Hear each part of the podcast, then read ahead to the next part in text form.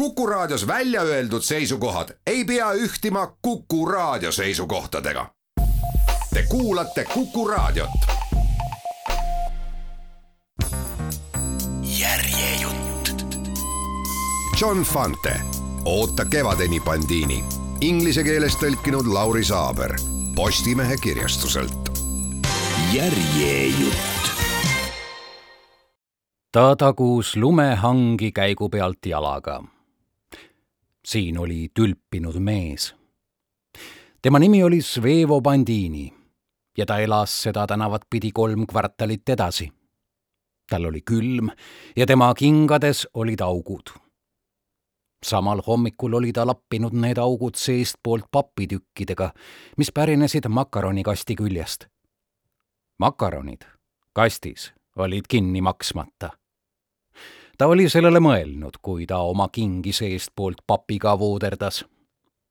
ta vihkas lund. ta oli müüriladuja ja müüriladuja mört läks lumega jäässe. ta oli teel koju, ehkki mis mõtet oli koju minna? juba poisipõlves Itaalias, Abruzzo maakonnas oli ta lund vihanud. Polnud päikesepaistet polnud tööd. nüüd elas ta Ameerikas, Colorado osariigis Rocklini linnakeses. äsja oli ta tulnud Imperiali piljardisaalist. selliseid mägesid, nagu valendas paar-kolm miili lääne pool, leidus ka Itaalias. mäed olid hiiglaslik valge kleit, langenud maa peale nagu loodi järgi kahekümne aasta eest, kui ta oli kakskümmend aastat vana, oli ta nälginud selle metsiku valge kleidi voltide vahel terve nädala.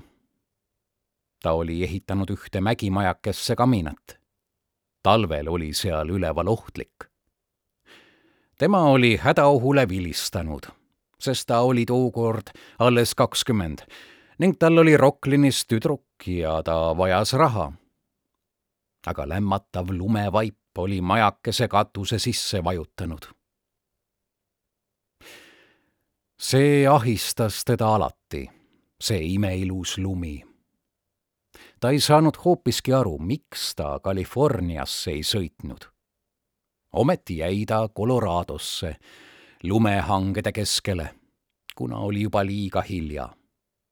kaunis valge lumi sarnanes Svevo Bandini kauni valge naisega kes lebas nii valendav ja viljakas valges voodis eemal tänavaäärses majas. Walnut Street, nelisada viiskümmend kuus Colorado osariigis Rocklinis. külm õhk tegi Svevo Bandini silmad vesiseks.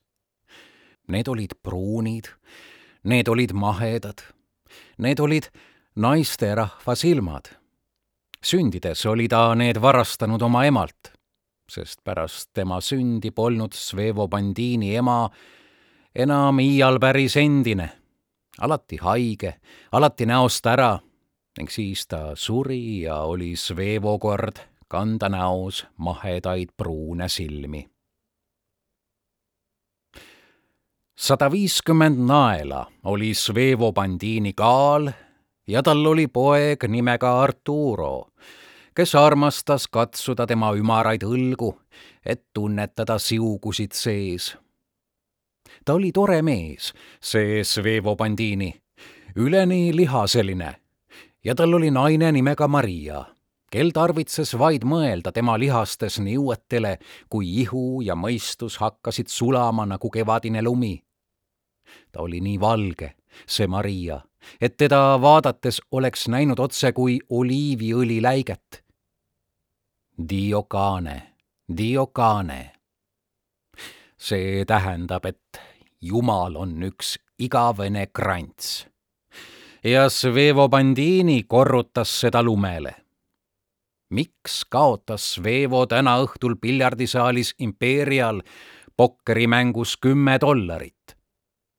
Oli ta ju väga vaene mees, kolme lapsega ja makaronide eest polnud makstud. ega majagi eest, kus kolme last ja makarone hoiti. Jumal on üks igavene krants. Svevobandinil oli naine, kes ei öelnud kunagi, anna mulle raha laste toitmiseks.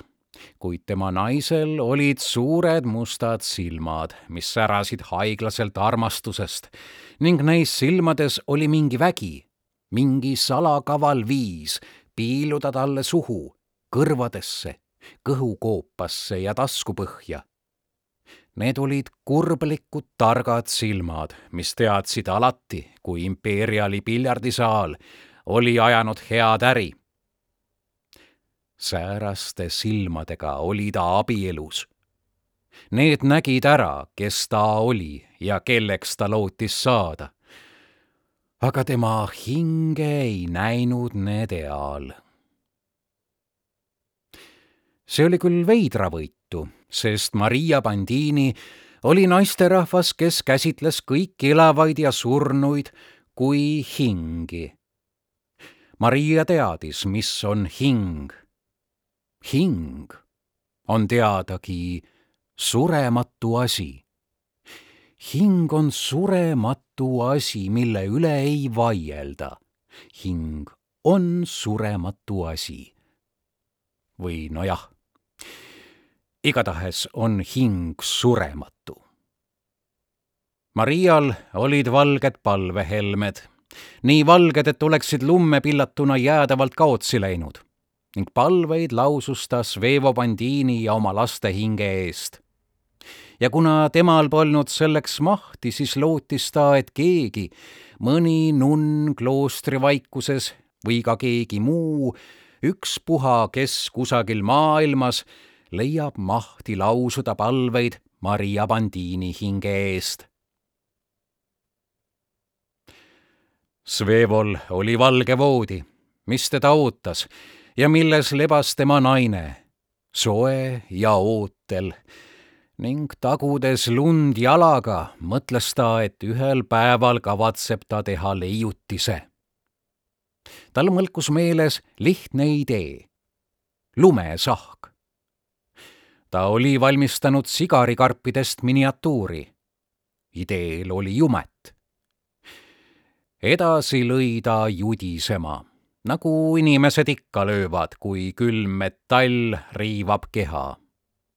ning järsku meenusid talle nood paljud korrad, mil ta oli pugenud sooja sängi Maria kõrvale ning naise palvehelmeste tilluke külm rist puudutas talveöös ta liha justkui parastav pisike külm madu. ning kuidas ta tõmbus kähku tagasi sängi veel külmemasse ossa ning edasi mõtles ta magamistoa peale, kinni maksmata maja peale, valendava naise lõputu kireootuse peale ega suutnud seda välja kannatada ning raevuhoos sumpas ta otsemaid kõnniteelt sügavatesse hangedesse, et lasta oma vihal end lume vastu tühjaks kakelda. Diokane, Diokane. Svevol oli poeg nimega Arturo, kes oli neljateistkümnene ja kellele kuulus kelk parajasti, kui ta pööras kinni maksmata maja õuele, sööstsid bandiini jalatallad äkitselt puulatvadesse ning ta lamaski selili maas. Arturo Kelk aga jätkas teed. libises lumest lookas sirelipõõsaste rüppe. Dio Cane. ta oli hoiatanud seda poissi seda väikest värdjat, et koristagu kelk sissekäigu eest ära. Svevo Bandini tundis, kuidas lumekülm ründas sõgedate sipelgate kombel ta käsi. ta ajas end jalule, tõstis silmad taeva poole, raputas jumalale rusikat ning oleks raevust ääre pealt kokku varisenud. see Arturo, see väike värdjas ta lohistas kelgu Sireli põõsast lagedale ja rebis jalased süstemaatilise kiuslikkusega küljest. alles siis, kui hävitustöö oli pöördumatu, meenus talle, et kelk oli maksnud seitse viiskümmend. Ta seisis riietelt lund kloppides, pahkluudel kummaline kuum tunne, sest lumi oli pääsenud tema kingasäärtesse. seitse dollarit ja viiskümmend senti tükkideks rebitud. Diavolo! ostku poiss enesele teine kelk ta eelistas ju niikuinii uuemat. maja oli kinni maksmata. See oli tema vaenlane, too maja. see oli hääl, mis rääkis temaga alati otse kui papagoi, kädistas igavesti ühte ja sama. iga kord, kui tema jalatallad panid veranda põranda nagisema, ütles maja häbematult ma ei kuulu sulle, Svevo Bandini minu omanikku ei saa sinust iial. Sama lugu oli iga kord, kui ta puudutas eesukse linki. viisteist aastat oli see maja teda näägutanud ja oma idiootse sõltumatusega ta närve söönud. oli aegu, mil ta oleks maja alla meeleldi dünamiidi asetanud, et see ribadeks lasta. kunagi oli see olnud väljakutse maja oli teda narrinud nagu naisterahvas. Tõuse mu peremeheks. ometi olid kolmteist aastat teda väsitanud ja nõrgestanud. aga maja ülbus paisus üha. Svevo Bandini ei hoolinud enam. tema kõige hullemaid vaenlasi oli pankur, kellele too maja kuulus selle pankuri näokujutis õgis ta vaimu, pani ta südame pekslema vägivalla näljas. pankur Helmer, viimane jättis. ikka ja jälle oli teda sunnitud seisma Helmeri ees ülestunnistusega, et tal pole raha perekonna toitmiseks siivsate hallide seitlisi juustega Helmer pehmete kätega pankur, silmad peas nagu austrid, kui Svevo Bandini ütles, et raha ei piisa ka maja osamakseks. seda oli ta pidanud ütlema palju kordi ning Helmeri käte pehmus häiris teda. säherduse mehega ei suutnud ta rääkida. ta vihkas Helmerit. ta oleks tahtnud murda Helmeri kaela kiskuda rinnust Helmeri südame ja hüpata sellel mõlema jalaga. Helmerile mõeldes oli tal kombeks pomiseda. see päev tuleb, see päev tuleb. see ei olnud tema maja. ja ainuüksi lingi puudutamine tõi talle meelde, et ta pole omanik. Naise nimi oli Maria ja tema mustade silmade ees helenes pimedus. Kiki varvul kõndis Bandiini toanurka tuuli juurde, akna lähedale, mille roheline kate oli alla tõmmatud. tema mõlemad põlved kriuksusid, kui ta istet võttis. Maria kõrvus kõlas see nagu tilisenuks kaks kellukest ning Svevo mõtles, kui rumal on tema naine, et armastab meest nii kangesti. toas oli väga külm. tema huulte hingus heljus aurujoomadena. ta ähkis kingapaelte kallal nagu maadleja. kingapaeltega oli ta alati hädas. Diavolo jõuab ta enne vana mehena surivoodile, kui õpib sarnaselt teistega siduma kingapaelu. Svevo. jah, ära lõhu neid ära, Svevo. pane tuli põlema, ma seon need lahti. ära mine marru ega lõhu neid. taevane jumal, armas emake Maarja kas polnud see just täpselt naisterahvaste mood? Ära mine marru. mida oli siin marru minna? oh jumal, tal oli himu raksata rusikaga läbi akna. ta nakitses kingapaelte sõlme sõrmeküüntega. kingapaelad, mispärast on küll olemas kingapaelad? näh, näh, näh. Svevo, jah, ma teen ise, pane tuli põlema kui külm on hüpnotiseerinud su sõrmed, on sõlmes nöörijupp põikpäine nagu okastraat. kärsitusest andis ta võimsale õlale ja käsivarrele voli. pael katkes naksatusega ja Svevo Bandini oleks toolilt peaaegu maha kukkunud. ta ohkas ja ohkas ka tema naine.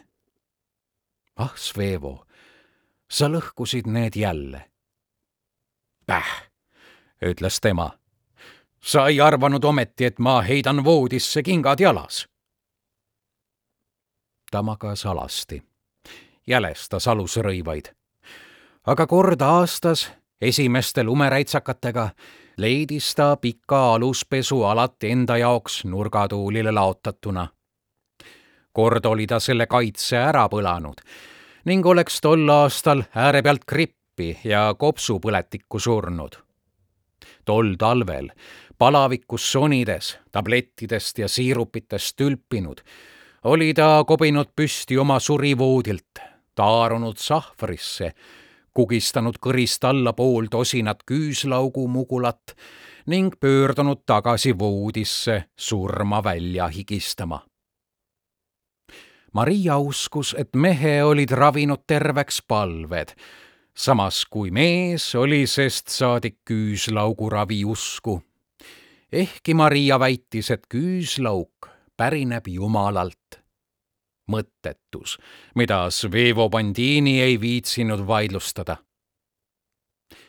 ta oli mees ega kannatanud näha ennast pikas aluspesus tema naine oli Maria, kelle rindades süütas iga plekk mehe pesul, iga nööp ja iga niidikübe, iga lõhn ja iga puudutus teravalt pakitseva rõõmu, mis lähtus maapõue sügavusest. Nad olid abielus olnud viisteist aastat ning mees pruukis suud kõneles hästi ja sageli ühest ja teisest, kuid ütles haruharva, ma armastan sind. naine kõneles haruharva, kuid tüütas meest sageli jutuga, kuna ütles lakkamatult, ma armastan sind ta sammus voodi veerde ja lükkas käed teki alla, kobama uitavaid palvehelmeid. siis libises ta voodiriiete vahele ja kaisutas naist ägedalt. käsivarred litsumas külgedele käsivarsi, sääred lukustumas ümber säärte. see ei olnud kirg, vaid kõigest talveöö külmus ja naine oli nagu väike pliit, kurblik ja soe, talle algusest peale veetlev. juba viisteist talve, ööst öösse tervitas soe naise keha endaga ta jäiseid jalgu, kämblaid ja käsivarsi. ta mõtles, kui suur on naise armastus ja uhkas ning natukese aja eest oli Imperiali piljardisaal röövinud temalt ta viimased kümme dollarit. leiduks sel naisterahval ainult mõni viga, mis jätaks varjulisse peituda enesenõrkused. võtke või Theresa Terenzo, sest ta olekski kosinud Theresa Terenzo, poleks too olnud pillaja kes rääkis üleliia, hingeõhk lehkamas rentsli järele. ega ise tugev ja lihaseline naine teeselnud meeleldi vedelat nõrkust tema meesterahva käsivartes. Te ei kujutle pilti. ja veel oli Theresa Terenzo temast pikem. no Theresa-suguse naisega oleks lust ja lõbu impeeriali piljardisaalile pokkerimängus kümme dollarit kinkida tal oleks võimalik mõelda selle lobasuu hingeõhust ning tänada Jumalat juhuse eest raisata oma palehigis teenitud raha. aga Mariaga mitte. Arturo lõhkus köögiakna, ütles Maria. lõhkus, mismoodi? lükkas Frederico sealt peadpidi läbi. igavene litapoeg ega ta paha pärast, ta mängis vaid. ja mida sina tegid? oletan, et ei midagi. ma tohterdasin Frederico pead joodiga. väike haav, ei midagi tõsist. ei midagi tõsist. muidugi on sihuke asi tõsine. Kuidas sa Arturat karistasid? ta oli nagu arust ära, tahtis kinno minna. ja ta läks lastele meeldib kino. igavene närune väike litapoeg. Svevo, miks sa räägid niiviisi oma lihasest pojast? sa oled ta ära hellitanud, oled nad kõik ära hellitanud. ta on sinusse, Svevo. Sinagi olid paha poiss. mina? põrgutki mina ei lükanud eluilmas venda peadpidi läbi akna. sinul polnud vendi, Svevo, kuid oma isa lükkasid sa trepist alla ja ta murdis käeluu. mis sain ma sinna parata, kui mu isa, ah unusta ära ta vingerdas ligi ja surus näo naise juuksepalmikutesse alates augusti, nende teise poja sünnist lõhnas naise parem kõrv kloroformi järele. kümme aastat tagasi oli naine lõhna haiglast koju kaasa toonud. või oli see tema kujutlusvõime? ta oli tülitsenud naisega selle pärast aastaid, sest kloroformi lõhna paremas kõrvas eitas too alati. Proovinud olid lapsedki ega haistnud seda katse korras kuidagi. ja ikkagi oli see olemas, alati kohal, täpselt nagu kunagi öösel haiglapalatis, kui ta oli kummardanud naist suudlema, kuna too oli teadvusele tulnud ja elas, ehkki oli viibinud surmasuus ja mis siis, kui ma lükkasin oma isa trepist alla mis see siia puutub? kas see hellitas su ära? oled sa ära hellitatud? kust mina tean? sa ei ole ära hellitatud. põrgut, mis jutt see nüüd olgu? loomulikult on ta ära hellitatud. Theresa Terenzo oli talle alati ette heitnud, et ta on õel, isekas ja ära hellitatud. varemini nautis ta seda. ja see tüdruk, mis ta nimi oligi, Carmela, Carmela Ritsi, Rocco Saccone sõbratar, selle meelest oli ta püsti kurat. ja see tüdruk oli nutikas, oli kolledžis käinud Colorado ülikoolis oli ülikooli lõpetanud. ja selle tüdruku sõnul oli ta imeväärt lurjus, julm ja ohtlik, nuhtluseks noortele neidudele. aga Maria, no Maria meelest on ta ingel, puhas kui leib. Päh, mida Mariaga teab temal polnud ülikooliharidust, polnud keskkoolitunnistustki mitte. isegi mitte keskkoolitunnistust. tema nimi oli Maria Bandini, kuid enne laulatust oli tema nimi olnud Maria Toscana ja keskkool oli tal jäänud lõpetamata. ta oli noorim tütar peres, kus kasvasid kaks tüdrukut ja poiss. Toni ja Theresa, keskkoolidiplom mõlemal. aga Maria, Marial asus perekondlik needus, olla madalaim kõigi Toskaanade seas. jonni täis tüdruk, kes keeldus lõpetamast keskkooli.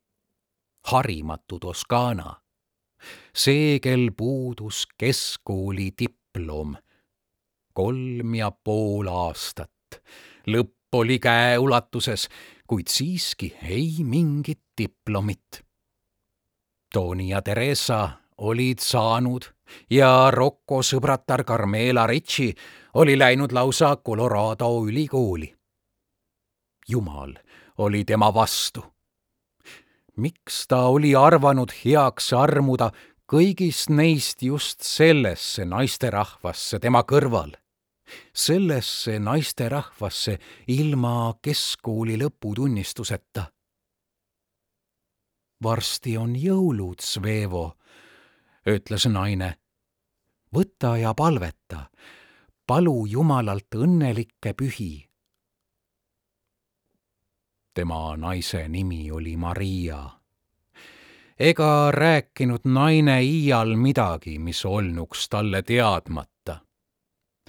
Kas ei teadnud ta siis rääkimatagi, et varsti on jõulud? palun väga, oli viienda detsembri õhtu. kui mees heidab neljapäeva õhtul oma naise kõrvale magama, kas on vaja naisel talle rääkida, et homme on reede?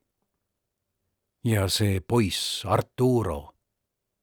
mispärast oli tema needuseks poeg, kes mängis kelguga? Ah, poovera Ameerika. ja tema palugu veel õnnelikke jõulupühi. Päh. on sul ikka soe, Svevo? no muidugi. alati tahtis naine teada, on tal ikka soe tema naise kasv oli veidi üle viie jala ja ta ei teadnud kunagi, kas naine magab või on ärkvel. nii vaikne oli too. Kummituslik abikaasa, alati rahul oma pisikesel sängi poolel, näperdas muudkui roosikrantsi ning palus rõõmsaid jõule. kas on mõni ime, et ta ei jaksa maja eest maksta selle hullu maja eest, mille on hõivanud usufanaatik. meesterahvas vajab, et tema naine kihutaks teda tagant, innustaks teda ja paneks ta kõvasti tööd murdma. aga Maria? ah, poovera Ameerika. naine lipsas oma voodi poolelt välja eksimatu kindlusega leidsid varbad pimedas vaibal tuhvlid ja mees teadis, et kõigepealt läheb ta vannituppa ja seejärel poisse kontrollima. viimane ülevaatus, enne kui naaseb ööseks sängi. Abikaasa, kes lipsab alati voodist välja oma kolmele pojale pilku heitma. ah, mäherdune elu. Io sono fregato kuidas peaks meesterahvas sõba silmale saama, kui siin majas käib alatasa mürgel ja tema naine lahkub alatasa voodist, lausumata sõnagi. Paganama impeeriali piljardisaal. tal oli peos maja, emandad ja kahed ning ta kaotas. Madonna. ja tema palugu veel õnnelikke jõulupühi sellise vedamise juures ei mõtlegi ta Jumalat jutule võtta. Jeesu Kristi, kui Jumal on tõesti olemas, las vastab siis tema, miks? Sama vaikselt, nagu oli läinud, heitis naine jälle ta kõrvale. Frederico on külmetunud, ütles naine. külmetunud oli temagi, hinges poeg Frederico võis korraks tatistada, kui juba määris Maria poisi rinda piparmündiõliga ja lebas pool ööd ärkvel sellest rääkides. ent Svevo Bandini vaevles üksinda ja temal ei tuiganud ihu, vaid hullemgi hing. kusagil maailmas pole rängemat valu kui omaenese hinges. kuid kas Maria aitas teda? kas ta päris temalt kunagi on tal rasked ajad? küsis eales Svevo mu arm, kuidas su hing end neil päevil tunneb. oled sa õnnelik, Svevo? On sul tänavu talvel mingit töölootust? Dio maledetto. ja see naine tahtis rõõmsaid jõule. mismoodi saavad jõulud tulla rõõmsad, kui sa oled kolme poja ja abikaasagi seltsis üksinda? kingad on auklikud, kaardilauas veab viltu, tööd pole paganama kelgu otsas murtakse kael, sina aga tahad rõõmsaid jõule. on ta miljonär või? vahest olekski olnud, juhul kui oleks abiellunud õiget laadi naisterahvaga. paraku oli ta liiga loll. naise nimi oli Maria ja Bandini tajus voodi pehmust enda all taandumas ja naeratuski oli möödapääsmatu, sest ta teadis, et naine läheneb ning vastuvõtuks paotusid ta huuled natuke. väikese käe kolm sõrme puudutasid ta huuli, kergitasid ta soojale maale päikese sisemusse ning edasi puhusid naise mossis huuled ta ninasõõrmetesse õrnalt õhku Karas poosa, ütles tema. kallis kaasa. naise huuled olid märjad ja ta hõõrus neid vastu mehe silmi. Bandiini naeris mahedalt. ma teen sulle otsa peale, sosistas ta. naine naeris, kuni jäi ebalevalt kuulatama, kas kõrvaltoast ei kosta poiste ärkveloleku hääli. kes Saara, Saara ütles naine. tulgu, mis tuleb. naise nimi oli Maria ja ta oli kangesti kannatlik. ootas meest, puudutas ta lihaselisi niudeid nii kannatlikult, suudles teda siit ja sealt ning edasi neelas ta alla suur kuumus, mida ta armastas ning naine laskus selili. ah, Svevo kui imetore. ta armastas naist leebe tulisusega, kangesti uhke enese üle, mõeldes kogu aja, ta polegi nii rumal, see Maria, ta teab, mis on hea. Vägev mull, mida nad ajasid päikese suunas, lõhkes nende vahel ning ta ägas vaimustunult vabanedes, ägas nagu mees, kes rõõmustab, et tal õnnestus vähekeseks unustada paljutki. ning Maria, väga vaikne oma pisikesel sängipoolel, kuulatas enese pekslevat südant ja arutles, kui rängalt oli tema mees impeeriali piljardisaalis kaotanud. summa oli kahtlemata suur kümme dollaritki polnud välistatud, sest kuigi Marial puudus keskkooli diplom, oskas ta lugeda oma mehe viletsust tolle kire värsimõõdust. Svevo, sosistas ta, kuid mees magas nohinal. lumevihkaja Bandini järgmisel hommikul kargas ta sängist kell viis. lendas voodist nagu ilutulestiku rakett, tegi hommikuse külma käes põlastavaid lõustu. Päh, see Colorado, jumala loomingu taguots, alati härmas. Itaalia müüriladujale pole siin kohta. ah, ta on selles elus ära neetud. päkkade peal kõndis ta toolini napsas püksid ja torkas sääred sisse, arvutades ametiühingu takside põhjal kaotuseks kaksteist dollarit päevas. juhul, kui ta murraks tööd kaheksa tundi. ja kõik puha külma pärast. ta sakutas kardinanööri. kuulipildujat meenutava lõgina saatel sööstis see üles ja valgealasti hommik sukeldus tuppa, pritsides teda oma heledusega. tema urises vastu. Sporgatsioone. Va pori nägu, sõimas ta hommikut. Sporgatsioone ubriaco, va räpane joodiku nägu.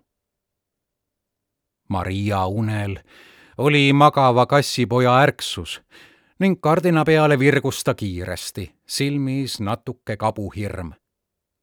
Svevo, on liiga vara. jää magama, kes sinult küsis, sina maga. mis kell on? meesterahval on aeg tõusta, naisterahval on aeg magada. jää vakka. oo ei tuld ei teinud mees köögipliidi all aial. ega ta polnud naine. Tuld teha pole mehe ülesanne. mõnikord siiski. kord oli mees viinud nad piivsteeke küpsetama mägedesse, kus lõkketuld ei lubatud teha ainsalgi hingelisel peale mehe.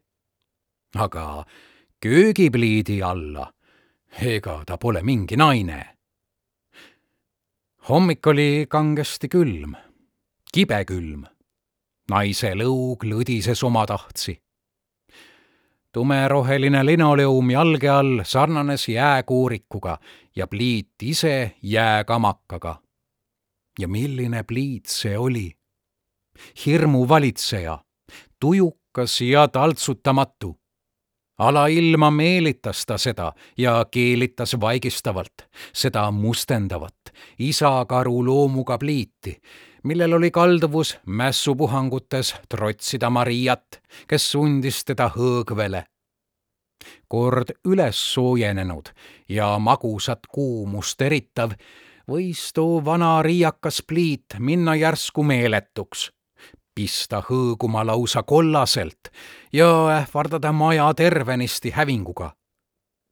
vaid Maria oskas tolle pahura musta rauakolakaga ümber käia ning ta saavutas selle raaghaaval, hellitades häbelikku leeki, lisades ühe laastu, siis teise ja kolmanda, kuni see lõi tema hoolitsusest nurru raud kuumenes, pliit paisus ja kägises kuumusest. ähkis ja ägas lõpuks juhmakas rahulolus. tema nimi oli Maria ja peale tema ei armastanud pliit kedagi. tarvitses Arturol või Augustil poetada pliidi ahnesse kurku mõni söetükk, kui pliit hullus palaviku küüsis, ajas lõõska, pani värvi seintel liimerdama ning tõmbunud ehmatavalt kollaseks, nõudis põrguelajana sisinal Mariat, kes tuli võimekalt, kulm kortsus ja kalts käes, jändas siit ja jändas sealt, sulges nobedasti lõõrid ja rookis pliidi sisikonda, kuni taastus tavapärane nürimeelsus ehkki Maria käed polnud suuremad kuivanud roosidest, oli see mustendav saatan tema ori. ja õigupoolest oli ta pliiti väga kiindunud. ta koguni klantsis seda toretsevat tigedikku, kelle nikkelplaadikesel irvitas tootja nimi õelalt nagu ilusate hammastega üleliia uhkeldav suu kui leegid ajapikku kerkisid ja pliit tägas hommikutervituse, seadis ta kohvivee tulele ja pöördus uuesti akna juurde. Svevo oli kanalas, lõõtsutas labidanajale nõjatudes. Kanad olid kuudist välja tulnud klugisesid ja piidlesid meest, kelle võimuses oli tõsta langenud valge taevakaar maapinnalt ning loopida üle tara. ent aknast nägi ta, et kuigi lähedale kanad ei tippinud. ta teadis, miks. Need olid tema kanad. temal sõid nad peost, meest aga vihkasid Nad mäletasid, et see oli see, kes käis neid laupäeviti vahetevahel tapmas. praegu oli kõik kena. Nad olid väga tänulikud, et ta oli lume ära kühveldanud ja nad said maaga maratsi põlida. Nad hindasid seda, kuid ei suutnud eales usaldada teda nõnda, nagu usaldasid naist, kes käis ja puistas käekesest maisiteri ja kes tõi künasse ka spagette. Nad suudlesid teda nokkadega, kui ta spagette tõi.